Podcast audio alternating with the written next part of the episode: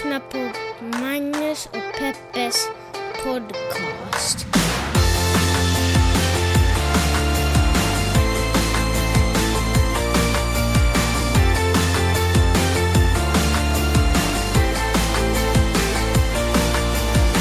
Men hallå internet! Hjärtligt välkomna, hoppas att ni känner er till den här podcasten som har varit med er ett tag nu. Den här podcasten som heter Magnus och Peppes podcast. En liten vanlig enkel podcast som pratar om de stora och de små händelserna i världen och vi gör det ur ett journalistiskt, feministiskt och mediegranskande perspektiv. Och kan jag få börja med att säga att herregud vad ni är underbara.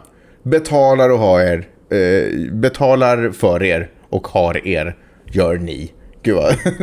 Vilken Snyggt smooth. Tung, tungsnubblare.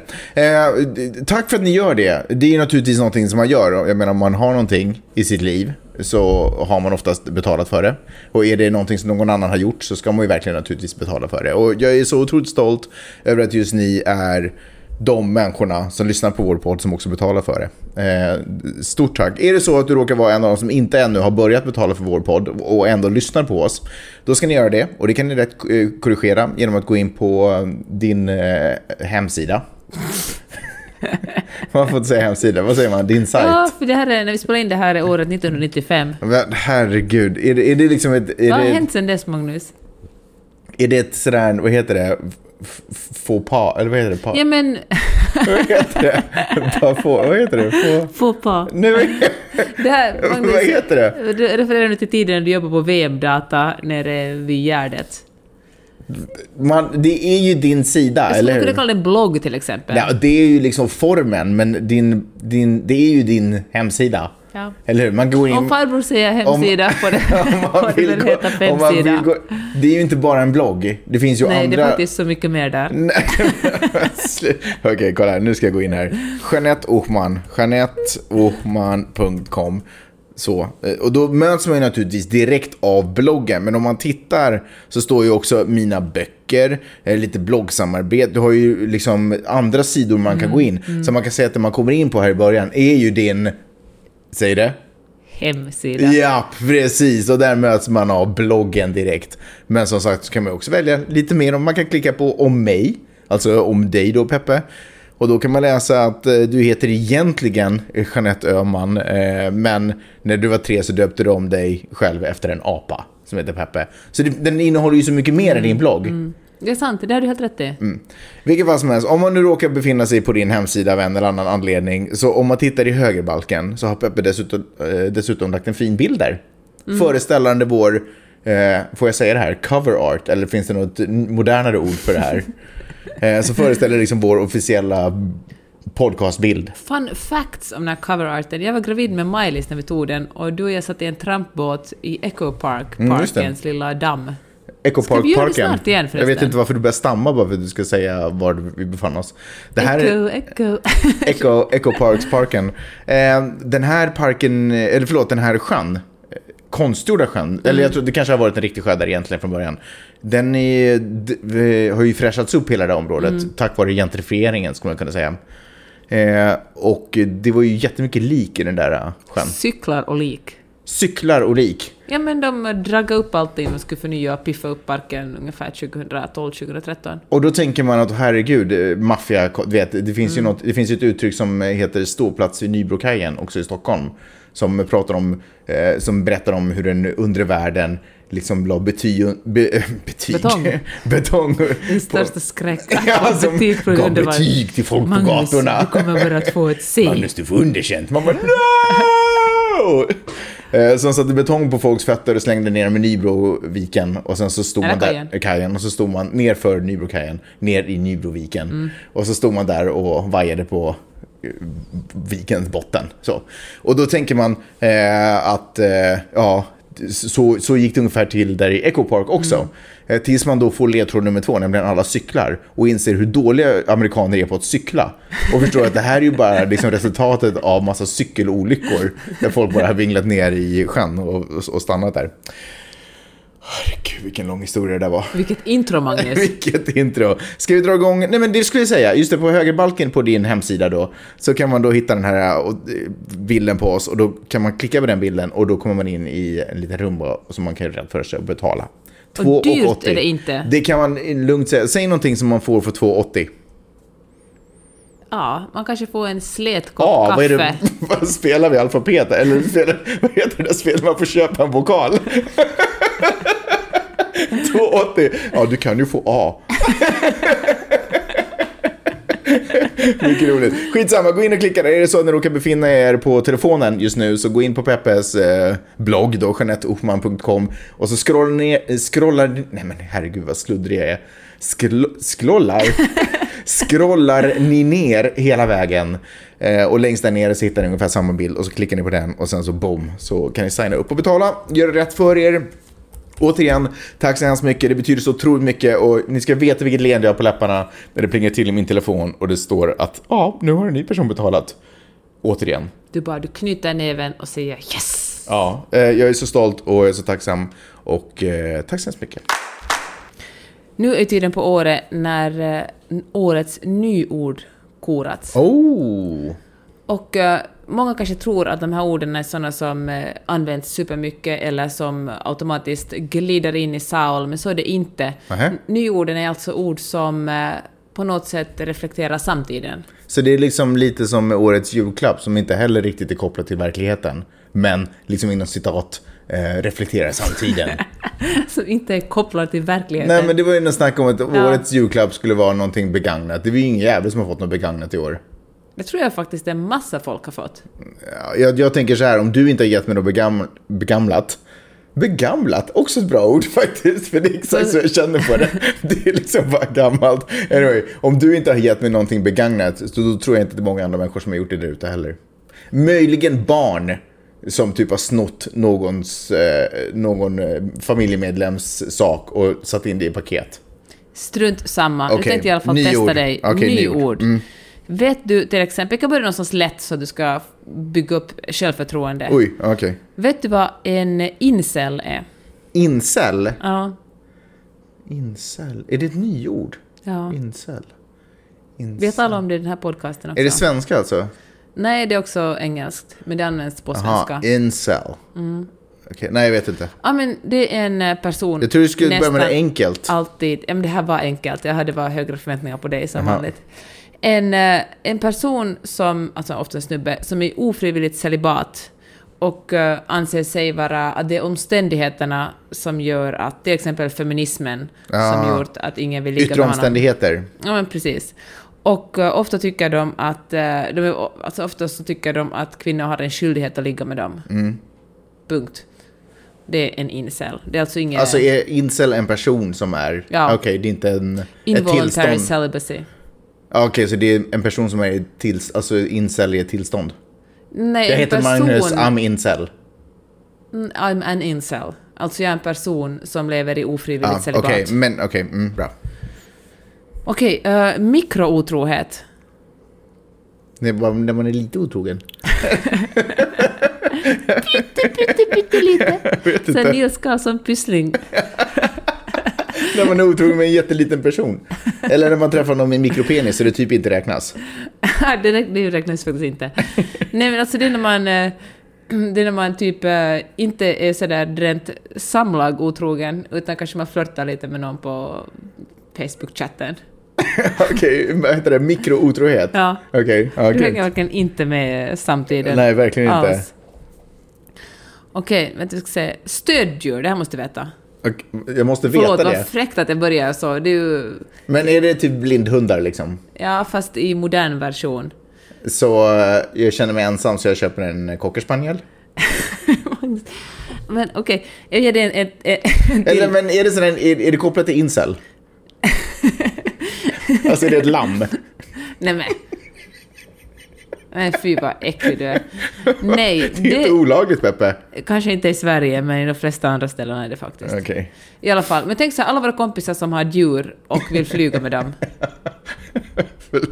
Ja, okej. ja. Djur och flyga med dem. Ja. Stöddjur. Typ fågel. Okej, nu vill jag inte göra det här längre, för Jo, kör vidare. Men det, fast det var ett roligt skämt. Man köper ett djur som man vill flyga med och då köper man en fågel.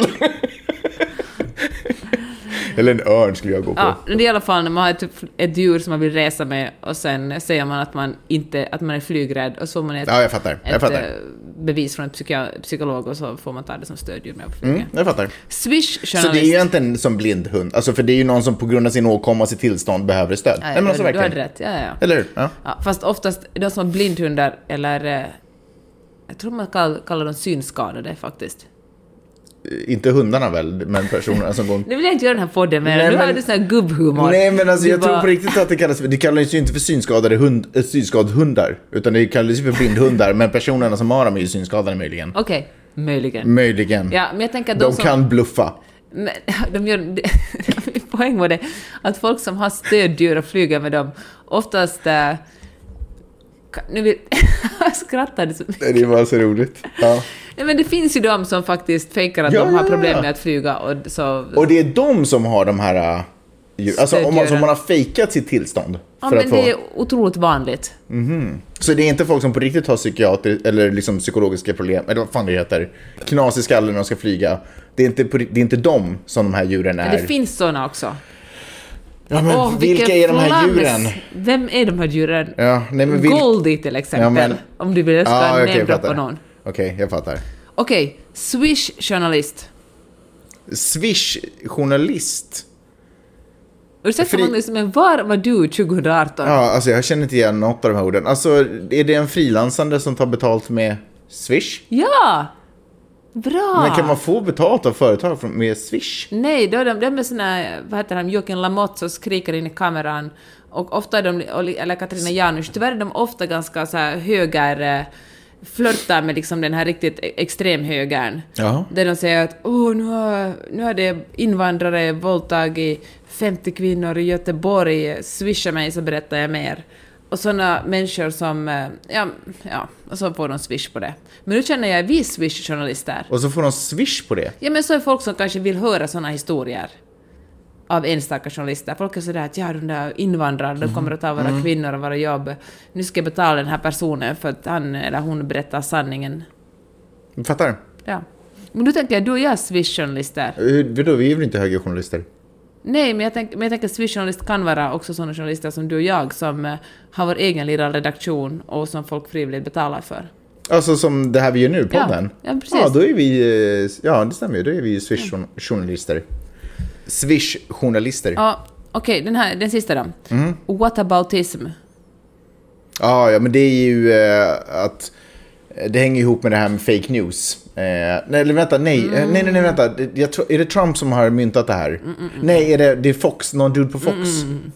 Fan ska jag, men att man inte möter, eh, man möter inte liksom kritiken med fakta eller något sakligt argument, utan man möter den genom att peka på någonting annat. Men Så hur det- går det med ta- stackars eh, Ja, pensionärerna då? Ja, exakt. Eller det kan man ju till exempel använda, man slår ett slag, så här, jag försöker göra något bra för naturen, så jag har jag skurit ner på köttätande. Jaha, men varför flyger du då?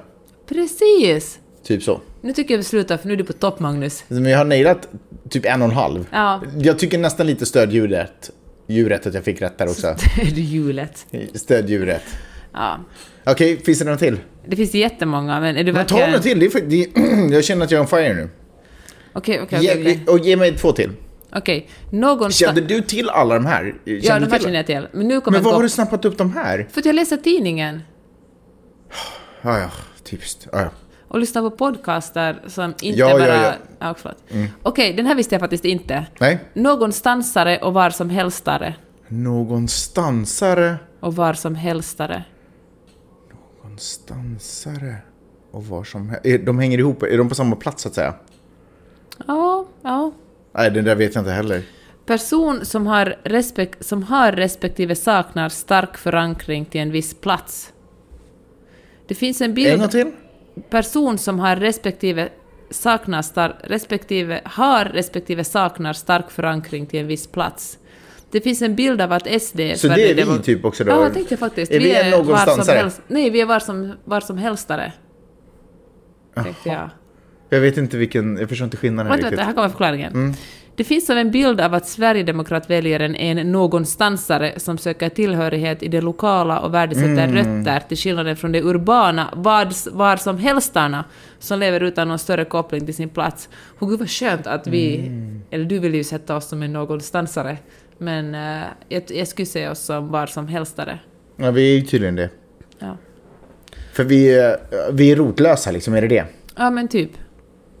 Eller det, det är väl lite alla, det är bara det att eh, någon stansare söker eh, rötterna och var som helstarna skiter i rötterna kanske, eller? Ja. Någonting sånt. Peppe, otroligt eh, intressant och spännande. Vänta, här var en i början som jag Och jag också... tycker att du redan nu har höjt kvaliteten på podden genom att man har fått möjlighet att lära sig massa saker. Cyberhygien. Jaha, nu, är du, nu får man Nu, inte stoppa. Nu, du hör inte ens vad jag Nej, säger du längre. gav mig lite beröm och jag bara okej, vill du ha mer? Du Vad, vad sa du nu? Cyber? Cyberhygien. Eller cyberhygien. Cyberhygien. Mm.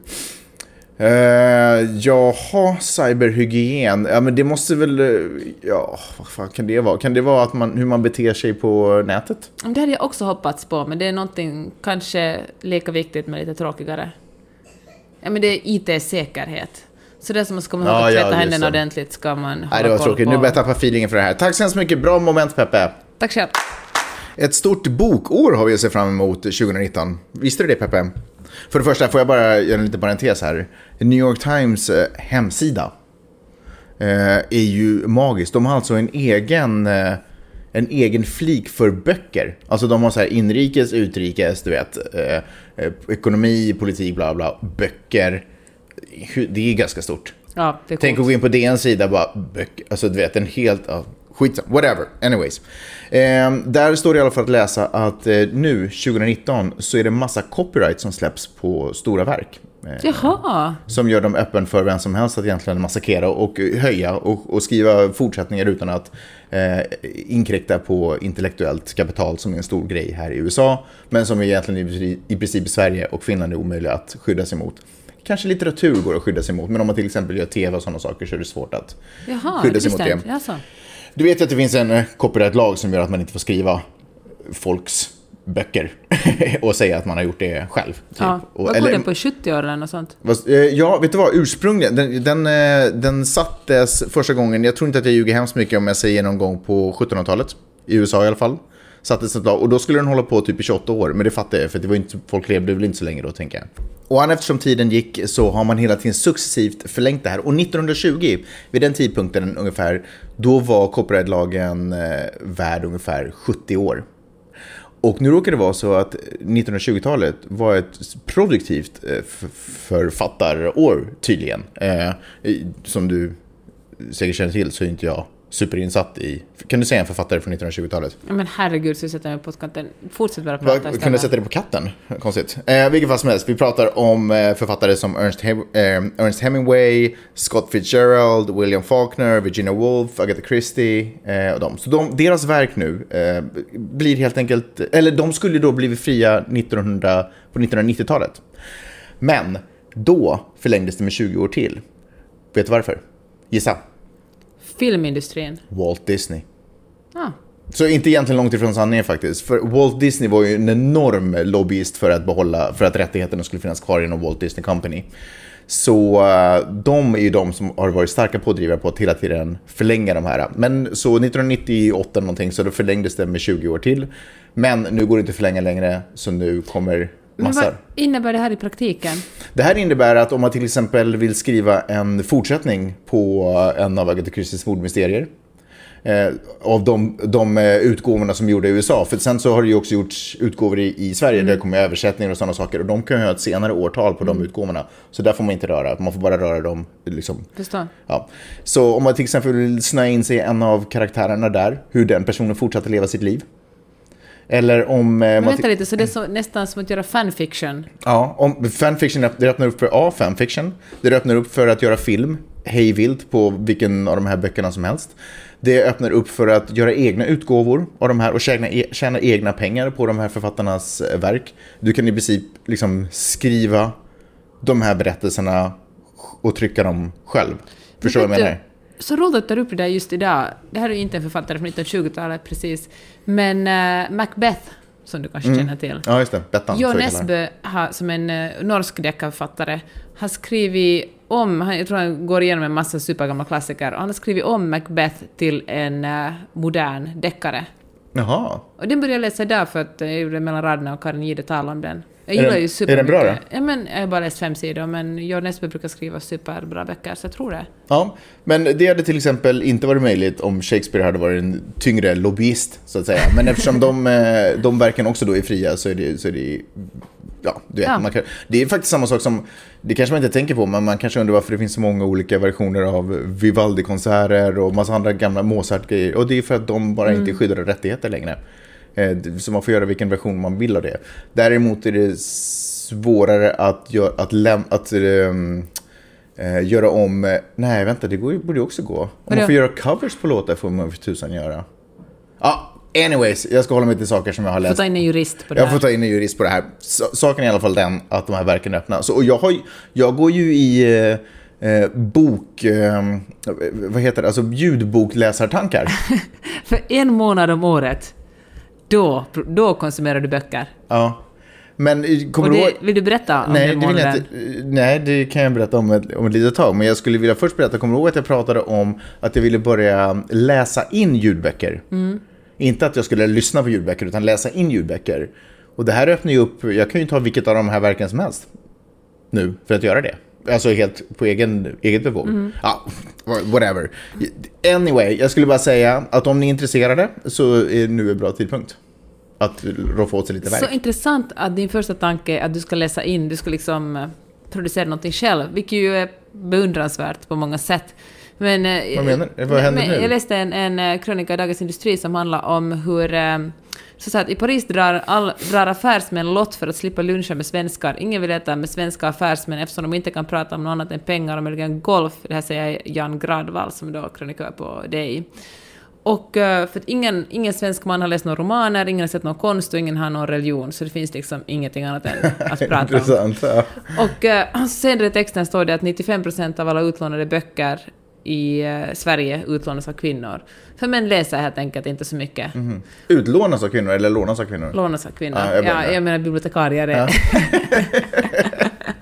Gud vad större den här podden är när vi... Så fort den ena Ja, säger någonting hyggligt fel måste den andra attackera. Har du tänkt på det? Ja, det har jag tänkt på. Så är det också i riktiga livet. Så är det. I alla fall. Och då tänker jag att när du börjar säga ja, och böcker, nu ska vi diskutera böcker och sen kommer du in på ljudböcker. Först så säger jag att yes, man ska tala om böcker. Sen börjar du om ljudböcker. Jag var att ah, good enough, han konsumerar i alla fall ljudböcker. Men så skulle du egentligen själv prata in en ljudbok. Ja, det, jag tycker... Ja, för, du Men får, i och för sig måste du läsa den samtidigt när du... ja, exakt. Ja, det är svårt att ha någon annan att läsa den om jag själv ska läsa upp den. Anyways, eh, det tyckte jag var lite kul. Eh, kur, kuriosa. Ni undrar ju, jag sa ju att, eh, att de här copyrightlagarna har förlängts just på grund av Walt Disneys eh, vilja, Walt Disney Companys vilja att eh, försvara Musse Pigg. Eh, därför kallas också den här, förläng den här lobbyförlängningen, det kallas också för the Mickey Mouse Protection Act. Eh, och då kanske ni är nyfikna på, alltså för att skydda Steamboat Willie, Steamboat Willie, då kanske ni är nyfikna på när den går ut. Den går ut 2024. Ja, så. Sen är Steamboat Willie up for grabs också. Är inte det en konstig värld? När Walt Disneys äldsta material inte är ägs av någon. Eller kan ägas av någon. Vad kommer att hända då? men alltså, alltså- världen kommer att gå upp och ner, Magnus. Nej men, det för, nej, men alltså, du kanske skojar. Men jag tycker, att, alltså, jag tycker att det är otroligt fascinerande. Men kommer det att bli en monetär förlust för Walt Disney? Ja, det är därför de har ju, ja, absolut, 100%, för de kan ju inte längre tjäna pengar. Nu kan ju vem som helst trycka Musse Pigg-tidningar efter det.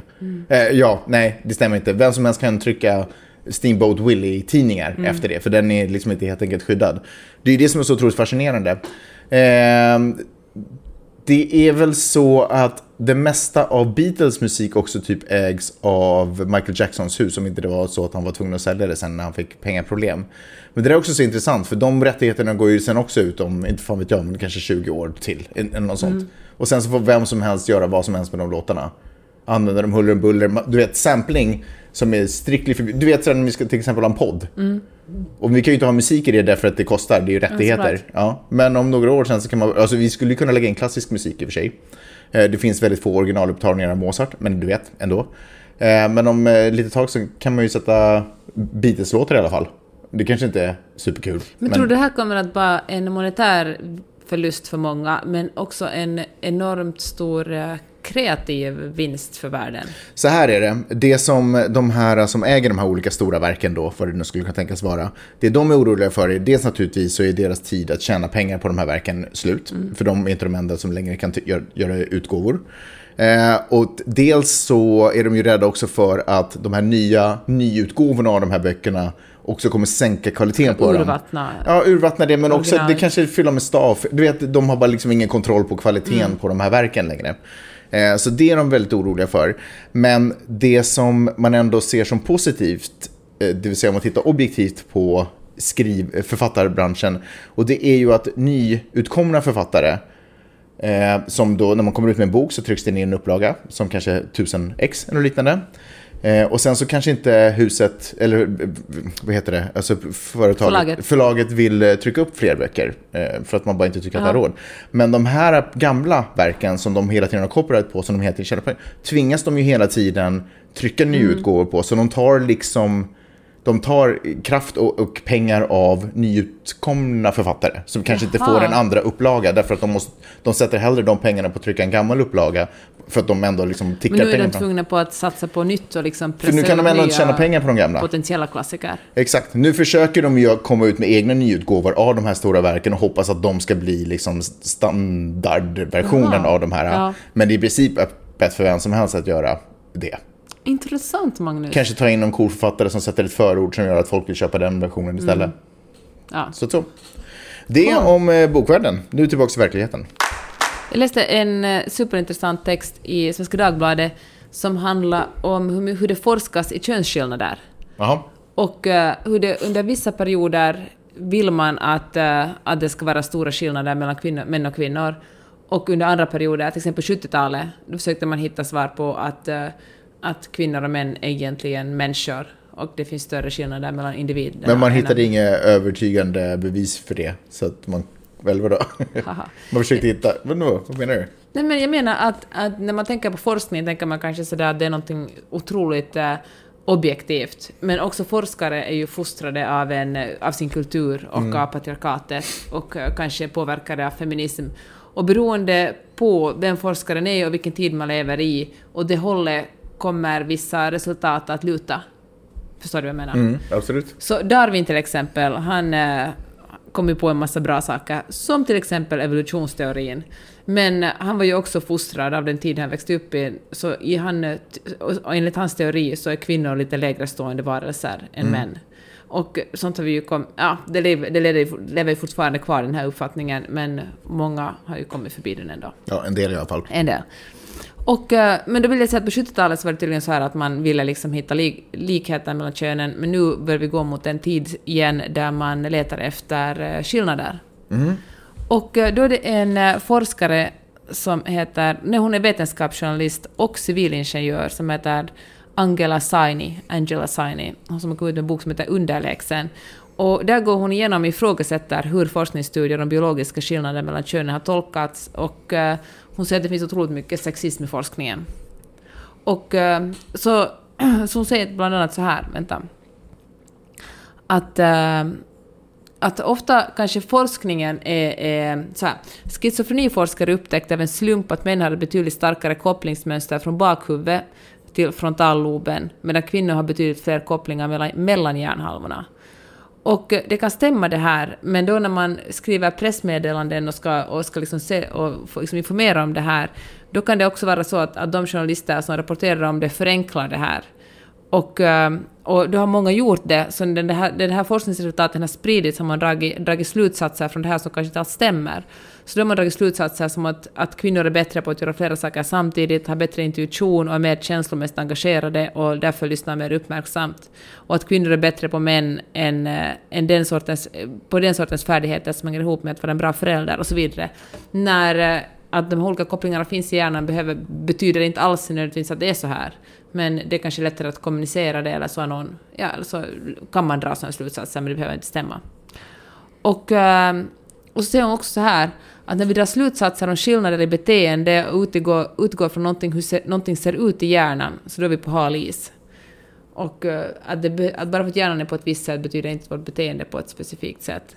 Och eh, därför måste man vara noga som journalist, vetenskapsjournalist, hur man tolkar och hur man kommunicerar sådana saker. Och det, och det är såklart ett problem, mm, för forskning kan ju vara, och är oftast otroligt komplicerad. Det är någon som jobbar med någonting i liksom 10 år eller 20 år. Och, eh, och när man ska sammanfatta det som, som journalist kanske man... Ja, men det är svårt att sammanfatta en så djup forskning och då kanske man drar lite för långtgående, lite klatschiga, lite intressanta slutsatser och så Men- blir det fel. Men det kan jag tycka att det är väl fel, alltså det är ju inte i dagspress och i kvällstidningar som man ska läsa om forskningsresultat. Det är ju i vetenskapstidningar och sånt och du menar att det är illustrerade vetenskapstidningar. Om man på riktigt är intresserad av vad verkligen. forskningen tycker och tänker. Därför att de här som dyker upp i, eh, i dagspress och sådana saker, det är ju oftast föregånget av ett pressutskick Precis där man, har, ja. där man har pitchat in en mening du vet, som man vet att journalisterna kommer reagera på. Och så kommer de smälla fram det oavsett om det är en forskning, en undersökning som har gjort i samband med en forskning eller om det är bara en teori som presenteras så går det lite in under samma. Forskarna säger, du vet. och det behöver inte alls Så vara där så. forskarna säger eh, det är bra att dricka vin eller att Ja, det är dåligt att dricka vin. Män är ja. smartare. Nu har vi hittat genen som kan få oss att, du vet, eller vad fan Men det är. grejen är det att folk, speciellt som kvällstidningar, folk vill ju läsa sånt här. Folk vill ju bli bekräftade. Män vill ju känna gud vi är smartare. Ja, men det är det de gör, de här kvällstidningarna. De föder, eller göder ju det som vi redan vill höra. Precis. Och uh, det vet jag inte, då känner jag så här som journalist måste man ju ha någon yrkesstolthet och inte skriva sånt här. Men eh, speciellt som mediekonsument måste man verkligen vara på sin vakt när man läser om forskningsresultat i en vanlig dagstidning eller en, eller en kvällstidning. För att uh, forskningsresultatet är antagligen mycket mer komplicerat än det som står på, i några stycken. Och ofta är det ju då enligt rådande, ja, det måste också komma så att enligt rådande rådande tid och det, den samtid man lever i. Som sagt, just nu verk, verkar det ju pågå. Efter metoo upplever jag det som om det verkligen finns någon slags... Eh, gud, jag vill verkligen inte använda ordet könskrig, men, eh, men någon slags eh, flickorna mot pojkarna bråk, känns det som. Jag tänker mig den här Jordan Peterson och Alexander Bard och liksom... Och incels till exempel. Där män säger att det inte män som kanske känner att de inte har så mycket makt tycker att feminism är, är, är liksom att feministerna har helt fel efter de eftersom de säger att, att män har mer makt i samhället. Kanske ett stort problem är också att vi lever i en så otroligt narcissistisk tidsera där alla bara kan eh, se efter sin egen världsbild eller sin egen bubbla. Man säger att men jag känner ju att jag har väl inte så mycket makt, då kan väl, därför har feministerna fel efter dem, eftersom de tycker att, att män har mer makt än kvinnor. Ja, förstår du vad jag menar? Jag förstår absolut vad du menar. Bra sagt Peppe. Okej, ännu en grej om det här som är superintressant. På ett liknande sätt talades det inte om att homosexualitet i djurvärlden förrän samhällsklimatet tillät det. Så man låtsades inte om att det fanns liksom gay-djur. Men sen när världen blev mer eh, liberal, då kunde man plötsligt se det här och lyfta fram det och skriva om det. Jag har hört att eh, den amerikanska symbolen The Bald Eagle är typ världens gayaste eh, djur. Typ, den är, det är jättevanligt att den har homosexuella relationer. Men good Att det är for... två... Att det är två... Nej, men eagle. good for, det spelar ingen roll. Det är väl... Nej, men- du menar att de äntligen kan komma ut ur skåpet? Ja. Det, det, jag tror inte det går till så. De gör väl vad de gör, sen får väl folk se vad de ser ungefär. Men att det är jättevanligt att två uh, hanfåglar, eller hur man nu säger, att det är de som... Att de tar, tar hand om barn, eller whatever. Att de tar hand om barnen. Ja, whatever. Alltså, jag, det, jag vet inte ens om det här är sant. Två biologer spekulerar. Jag vet inte ens om det här är sant. Eh, ja, men precis. Att, man, att, att nu när världen har blivit liberalare så då kan man se också homosexualitet i naturen. Men det var, kunde man inte se innan, utan då var det bara... Jag vet inte, då förklarar det man det var på ett annat sätt. alla monogama och ingen skilde sig och liksom... Ingen skill- men man gifte sig ändå. Nej men jag menar djuren, det är Ja. för att skoja lite. Ja, ja. jag fattar. Men vet du, mannen var ute och tjänade pengar och honan tog hand om kidsen. Bra. Jag skulle ändå vilja ta tillfället i akt. Det här är ju eh, sista dagen på året, nyårsafton. Och, eller det här kanske till och med kommer ut innan det, svårt att säga. Men vilket fall som helst, nyårsafton står för dörren kan man säga. Och då, då hör det ju lite till kutym att man tittar tillbaka på året som har gått. Och eh, då skulle jag vilja höra, vad har varit stort för dig det här året, Peppe? 2018? Nej, eh, 1932. vad var stort för dig då? 2018, det var... eh, Åh, vilken svår fråga. Alltså, det var ju otroligt fint att få rida en massa hästar. Måste jag säga. Jag det var hästens år. Det som var stort för dig 2018 var att du har fått rida en massa hästar. Ja, Ja, jag är en fine. enkel kvinna. Fine, fine, fine, fine. Ja, men så jag skrivit två böcker, jag skrivit en roman och en barnbok. Det är väl ändå ganska stort. Ja, absolut. Ja, ja. Jag skrivit en treatment till en TV-serie. Jag har... eh, Jag har... Vad ska, ska ni hitta någon, hittar du någon röd linje eller någon röd tråd eh, 2018? Ja... Ah, alltså jag, jag tycker ju om... Jag vet att du ser mig som en arbetsmyra, men jag tycker själv att jag är en livsnjutare. Eller kanske inte... Ja, jag är ju en livsnjutare, men jag tycker om... Behöver du hjälp?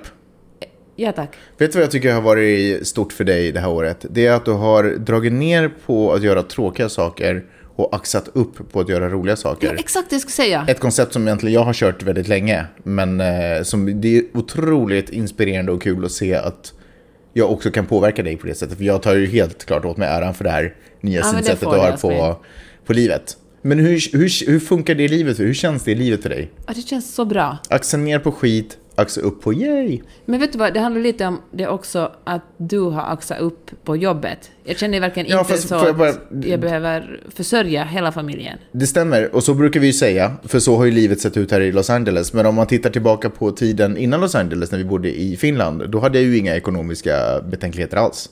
Det gick ju bra för mig. Jag vill minnas att jag till och med tjänade bättre vill- än dig då. Mm, för jag vill nog minnas att det är vi som betalar ganska mycket då också. Nej men alltså jag spenderade massa pengar, men jag hade ju en inkomst. Alltså det var ju inte... Alltså, va? Vi hade väl bra ekonomiskt? Ja, men vi hade väl helt okej. Ja, vi hade det väl det bra ekonomiskt. Jag hade ju en superbra lön. Ja, men du gjorde ju av med allt på sprit och Hose. kul grejer. Ja, exakt. Exakt. Precis min poäng. Eh, då var du ju också en arbetsmyra och det var ju inte för att få ihop till hyran i slutet på månaden. jag var ju chefredaktör på papper då, det var ju ett otroligt kul jobb. Ända tills... Du inte var det. Ja, just det, då var det ett jättetråkigt år när jag var tvungen att jobba Ja, på Hufvudstadsbladet. ens- Ja, men det var, så det var ju helt kul också. Det fick jag göra Ja, Men, nu, nu hamnar vi in i en jättekonstig snurr, för nu är det lite så att du inte heller kan berätta hur det är, för du känner en lojalitet till tidigare arbetsgivare. Ja. Och jag säger inte att du hade det tråkigt, men min poäng är ju att då jobbade du ju väldigt, alltså det här med att du kan dra ner på tråkiga saker och upp på roliga saker kan visserligen vara kopplat till ekonomin, det jag tror, men jag tror också att det är kopplat till en inställning i dig. Ja, Förstår du vad jag enough, menar? Fair enough. Det är roligt att göra roliga saker. Det, det stämmer faktiskt. Tror du att du kommer fortsätta med det här 2019? Ja, men det- Axa upp det ännu mer? Om det fortsätter smaka så här gott vill man ju ha mer av det. För vet du vad som händer när man drar ner på att göra tråkiga saker? Är att då får man också mer tid att vara öppen för andra projekt som kan trilla ner i ens knä. Som man är mer mottaglig för. Men om man hela tiden håller på att ägna sitt liv åt att göra tråkiga saker. Av olika anledningar. Pliktkänsla, skyldigheter, vad det nu än kan vara. Så blir det liksom som en propp för att låta andra saker komma in. För man hinner inte, man har inte tid att se till, till de möjligheterna och man är liksom inte riktigt mottaglig. För man känner att man har för mycket att förlora eh, genom att dra ner på det man håller på med. Men ja, Ja, men jag förstår vad du menar. Och för att kunna vara kreativ behöver man ju lite tristess och åtminstone lugn och ro. ja det är ju som Margareta Krok och eh, några innan henne. Och eh, vad heter han, Jarl Kulle eller vad han heter efter. Äh, jag kommer inte ihåg, skitsamma. Jarl Malmsjö, nej, jag vet inte, whatever. Eh, nyårstalet. Ja. Ring klocka, ring! Ut med det gamla och in med det nya. Någonting sånt. In Det är med det som. Mikael Persbrandt ska göra i år. Jaha. Jaha, ja men du ser, det har vilket fall som helst. Det är ju det det handlar om. Ut med det, det som är gammalt och usch. Ge det till myrorna. In med det nya och det härliga. Men hör du själv då? Hur ser du på 2018? Eh, att bo här i Los Angeles är ju, eh, det är ju, ett, det är en skola på sätt och vis. Också. Eller ja, som lär, jag har ju lärt mig otroligt mycket. Jag har ju varit tvungen, tvungen att eh, eh, Återuppfinna dig. återuppfinna mig delvis, men det som är det fina är att jag kan behålla bra saker inom mig och sopa ut sämre eh, saker inom mig, typ lättja och så. Kan jag lite sopa bort och byta ut det mot eh, bra saker, liksom, eh, hög, liksom energi, eh, saker som ger mig och andra energi. Liksom. Och det har gjort att jag också har fått eh, uppleva ett uppsving i det jag gör. Eh, min nya karriär med poddar och så. Men det har ju också gett mig, hör och häpna, en fantastisk relation med hästar. Ja, jag blir så glad att du säger sådär. Nej men vem såg den komma? Jag, helt plötsligt finner jag mig själv sitta på hästryggar därför att jag helt plötsligt är i en mode där jag testar, liksom, världen är där, ut och ta den. Förstår du vad jag menar? Och det har ju också gett mig möjlighet att knyta kontakt med ett djur som jag varit livrädd för. Och det ska jag säga, för några dagar sedan så satt jag ju på en gigantisk, vad var det, en frisisk hästrygg. Eh, och då, mankhöjd på kanske 1,60-1,70, någonting sånt. Så det, 1,70 säkert. så det är ju en stor jävla... Alltså när man sitter uppe, det betyder att mitt huvud är ju liksom t- två och en halv meters höjd. Ungefär. Någonting sånt. Stämmer det? Ja. Eh, Så när jag satt där uppe och tittade ner och lyckades få, få, den, som, få den att gå framåt. Den var inte alls sugen på att gå framåt för du hade plågat den med... Nej, du hade inte plågat, men du hade jobbat med det mycket. Så den fick... Eh, den, ja, skitsamma. Så den ville gå hem. Och ändå lyckades jag få den att gå emot sin egen vilja och följa mig och dessutom få den att eh, trava och jag sätter några travsteg. Det är om, alltså, vilken boost för självkänslan. Alltså inte självförtroendet utan självkänslan.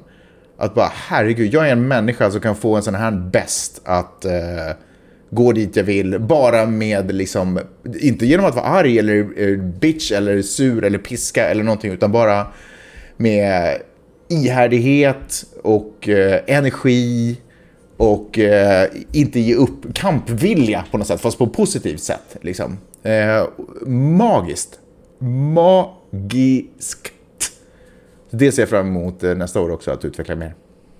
Alltså Magnus, den här podden kommer att bli en hästpodd. Ja, ja tänk om det blir det, Hästpodden. Det är Ja, jättesynd. det bli så. Jag kommer Häst och konkurrera- journalistpodden. jag kommer konkurrera mot en av mina, de poddar som jag jobbar med också. Den kan ni gå in och lyssna på också om ni gillar hästar. Vanessa Falk har en fantastisk podd som heter Hästpodden.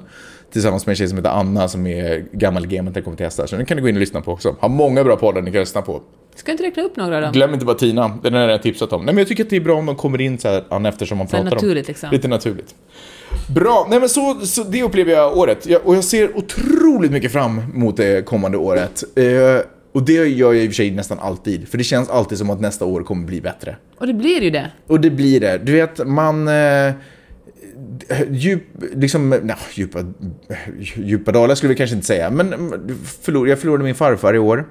Man förlorar folk och det, och man går igenom eh, mörker, man går igenom sorg, men eh, man får också titta på fantastiska horisonten vid Stilla havet och man får också uppleva saker i sig själv, lära sig nya grejer som jag pratat om. Och jag tycker det är magiskt. Det gör livet till en magisk plats. Det här med att man får känna saker och gå igenom, eh, växa. Grymt, grymt, grymt, grymt. Så så länge man andas så är det fan det man ska ägna sig åt. Har du några nyårslöften? Bara fortsätt på, liksom, fortsätt foka på... Fortsätt vara perfekt, tänkte Nej, säga. inte fortsätt, ja precis. Nej men, Fortsätt göra allting rätt, Magnus. nej men hoppa inte av den här utbildningen. Det här, den här utbildningen som vi kallar livet. jag vet, det låter man ibland, fan. Men varför var, tvungna, varför var folk tvungna att säga de här klyschiga sakerna innan till skit, i skitsammanhang? När man ville ha dem nu, när det verkligen behövdes. Du, om, Det är nästan du vill säga, och kom ihåg folk, carpe diem. nej men tänk om jag var den första som sa det här nu. Gud, då hade alla varit så här: wow. Han sa, ge inte upp på det här som Men kallas du för får hitta på något nytt då, som folk kan säga, som kan bli klyschigt om eh, nästa år. Vet du vad, det här är också lite det. Man behöver inte alltid hitta på nya saker för att det ska passa alltihopa. Utan ibland handlar det också om att finna sig själv i follorna. Och bara hitta, hitta spelet, hitta vågen. Men kan du säga en Vägen. konkret sak? Vad ska du göra nästa år? Eh, jag ska galoppera med eh, min nya häst. Min nya frisiska häst som eh, vi kallar för, för vi vet inte vad den heter egentligen, så Sove kallas han för. Jag ska galoppera med honom i Malibu, det är en grej. Jag ska kanske också hoppa över ett hinder. Eh, kanske en stock med honom. Stock, ordet stock är förstört. Eh, jag ska hoppa över ett hinder med honom i alla fall. Eh, så det är en grej. Jag ska få min egen lilla verksamhet att... Jag ska åtminstone dubbla min egen lilla verksamhet. Jag tror att jag ska... Ja. Och så tänker jag att året kommer sluta med att jag typ har en guld Rolex på armen. Okej. Någonstans där. Du då? Jag ska leva LA-klyschan och skriva ett film eller TV-manus. Grymt. det känns nästan som att eh, Ja, annars har man inte levt i Los Angeles om man inte har gjort det. Sätta sig på Starbucks eller annat café och bara skriva skiten ur sin dator. Får man ändå...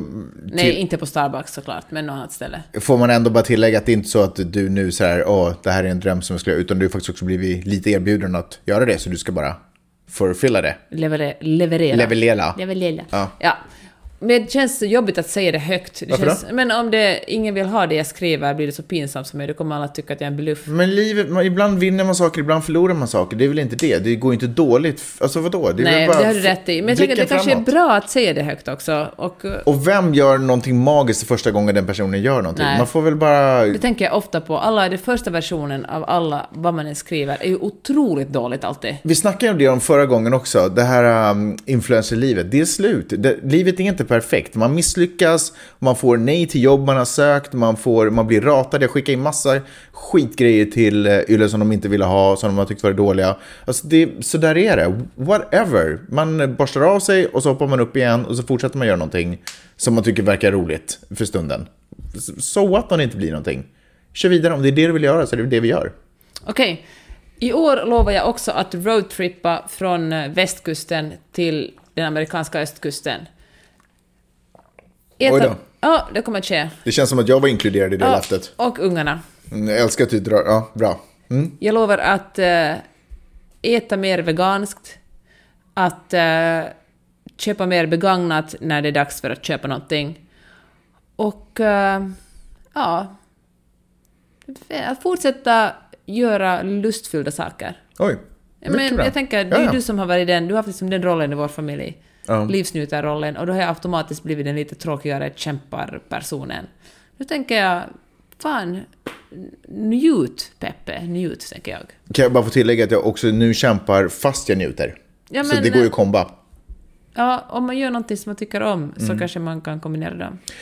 Bra, fasken, det varit ett fantastiskt år att hänga med er. Jag är så otroligt glad att ni har lyssnat på den här podden. Typ i ett år. Vi, vet du hur, vi har hållit på med det här superlänge, poddandet. Vet jag förstår, alltså, någon gång sa du att nu slutar vi numrera poddarna och det är ju otroligt synd. Det hade Ja. varit fint att veta, är det här liksom podd nummer 500 eller något Fast sånt? det är irrelevant.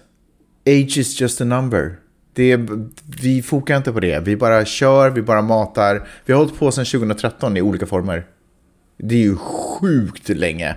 Alltså herregud, det finns ju folk som inte ens var födda 2013. Till som, exempel Miley. Som, som lever idag, exakt. som är till och med två år.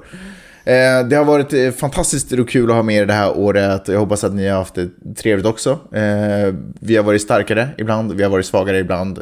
Nästa år kommer vi gå ungefär på samma sätt. Nej, vi kommer inte vara bättre nästa år. Ja, vi blir allt bättre blir man alltid, men man blir ibland svag. Vi försöker bara höja medlet, förstår du vad jag menar? Eh, fortsätt gärna vara med oss nästa år också. Det betyder så otroligt mycket för oss. Och är det så att ni har kompisar som inte har hört talas om oss, sprid ordet. Gör dem en tjänst, eller en otjänst. Vänta, jag har en till, en till grej. Men vi har, Livepodd. vi har lämnat det där. Nej, nej, nej, vill säga det här. Vi ska göra en livepodd 2019. Fast nu menar du inte stå på scen, utan nu menar du filmad livepodd, nej, eller? nej, jag menar stå på scen. Ska vi göra en livepodd så? Ja. Varför är alla dina löften, varför är på något sätt jag eh, 50% av ditt löfte? För att allt jag gör, jag tycker det är mycket roligare om vi gör det tillsammans. För jag vill Magnus. inte ha Det med för- dig på hästryggen när jag hoppar över hinder, till exempel med Sove, eller när jag tycker Men hör du, älskling, utan mig skulle du och hästar inte ha en relation. Och jag vill inte ha någonting med dig att göra i min business när jag fördubblar den. ja, okej, ska vi göra livepodd också? Ja, vi ska börja filma in, alltså vi ska göra, streama det när vi snackar in podden. Mhm. Men vi ska också stå på en scen och podda. Eller sitta på en scen och podda. Jaha, jävlar anamma. När skiljer... Okej. Det sker i juni eller juli i Sverige eller Finland. Okej. Jag tänker att jag kanske också kommer vara med i en annan podd på en liten miniturné nästa, so- nästa år också. Mikrootrohet. Mixo, mikro, mikroturné, precis, mikrootrohet under Vilken en då? mikroturné. Eh, jag vill inte hänga ute för jag tror inte att de har bestämt sig än om de ska göra det eller inte. Så det är dumt att lägga de förväntningarna. Åh, alla de poddar du håller på med, det är så där att ja, det är en jättestor podd jag håller på att klippa, men jag kan inte outa den ännu. Ja, så är det. Det är ett jobb jag har på kommande i vår, men jag kan inte outa den ännu. Otroligt tråkig Så stil. är det i min bransch därför att det är mycket som står på spel när det kommer till timing och avslöjanden och, och sådana saker. Du kommer förstå det sen när du börjar göra filmmanus. kommer du fatta hur viktigt det är att hålla det lite hemligt. Hörni, återigen tack så hemskt nörd, mycket. Vi Magnus. hörs nästa år. Gott nytt år! Gott nytt år!